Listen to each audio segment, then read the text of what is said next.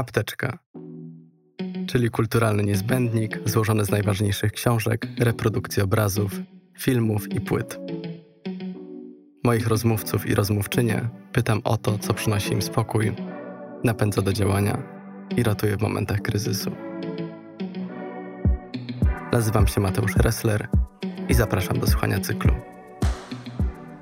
Agata Buzek, powracające najlepsze sceny. Czyta Katarzyna Hołyńska. Staram się nie gromadzić wokół siebie zbyt wielu przedmiotów. Nie mam też żadnej listy ulubionych książek, filmów czy albumów muzycznych, na wypadek, gdybym potrzebowała natychmiastowego ukojenia lub inspiracji. Nie jestem pewna, czy kiedykolwiek miałam taki kulturalny niezbędnik, który mogłabym nazwać apteczką. Choć jest kilka powieści, które darzę sentymentem. Na przykład Bracia Lwie Serce, Astrid Lindgren i Ania z Zielonego Wzgórza, Lucy Mount Montgomery. Nie wracam do nich w chwilach kryzysu. Są oczywiście momenty, kiedy bardzo potrzebuję sztuki i chłonę wszystko, co mogę, ale zwykle wolę czerpać z niej oszczędnie i zwyczajnie doświadczać codzienności. Interesuje mnie też, jak różne osoby reagują na kulturę. Kilka lat temu miałam okazję oglądać wystawę w Centre Georges Pompidou w Paryżu, na której prezentowane były prace Kazimierza Malewicza. Tego dnia po raz pierwszy zobaczyłam na żywo jego czarny kwadrat na białym tle. Stałam przed nim dobre pół godziny. Potem usiadłam przy ścianie i przyglądałam się ludziom, którzy podchodzili do obrazu. Jedni wybuchali śmiechem, inni stali w zdumieniu, jeszcze kolejni mijali go bez większego namysłu, po czym wracali i zaczynali dyskutować o tym, co ten kwadrat może znaczyć. Po co Malewicz w ogóle namalował coś tak banalnego? To było niesamowite.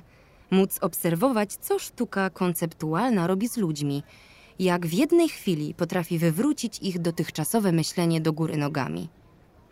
Od powrotu z Paryża obok mojego łóżka leży album poświęcony twórczości Malewicza. Oglądanie obrazów w takiej formie nie ma wprawdzie najmniejszego sensu. Te niewielkie reprodukcje nawet w połowie nie oddają tego, czym są oryginały, ale dzięki temu mogę wracać myślami do momentu, w którym doświadczyłam ich wpływu na żywo. Do dziś pamiętam też seans filmu Krzysztofa Kieślowskiego Trzy kolory, niebieski, w gliwickim kinie studyjnym Amok, na który wybraliśmy się z rodzicami, kiedy byłam jeszcze nastolatką. Po skończonej projekcji, gdy na sali zapaliły się światła, wszyscy siedzieli w bezruchu. Miało się wrażenie, że nawet niewielki gest może zakłócić tę jakby ustaloną zbiorową ciszę. Do samego filmu, podobnie jak do obrazów Malewicza, nie wracam zbyt często, ale już samo wspomnienie emocji, jakie czułam, będąc wśród ludzi, na których też wywarł on tak duże wrażenie, potrafi inspirować. Między innymi dlatego zdecydowałam się pójść na studia do Akademii Teatralnej w Warszawie.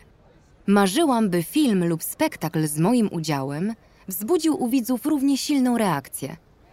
Wierzę, że to, co nami potrząsa i prawdziwie wzrusza, nie ma nic wspólnego z rozsądkiem. Dlatego, gdy próbuję zrozumieć postać, w którą mam się wcielić, nie gonię już za strukturą, tym, co wydaje się racjonalne. Staram się bazować na emocjach i intuicji, czerpać z tu i teraz. Jak mówił Iwan Wyrypajew, każda rola jest nauczycielem. Jednak to od nas zależy, co zostanie w nas po niej na dłużej. Postaci, które gram, kojarzę często z określonymi kolorami. Książę Myszkin z Idioty miał barwę ciepło-żółtą. Natomiast Nonsense High Life była dla mnie zimno-niebieska. Od kilku lat tworzę też dla nich muzyczne playlisty. Najdziwniejsza?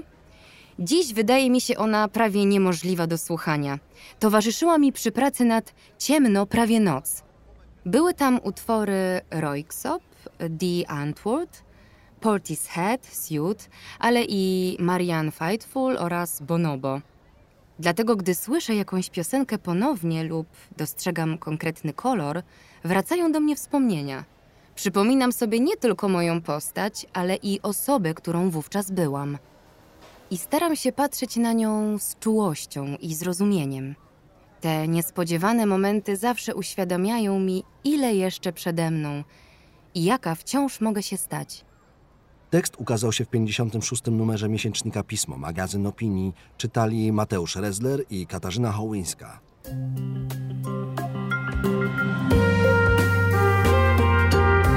Pismo, magazyn opinii.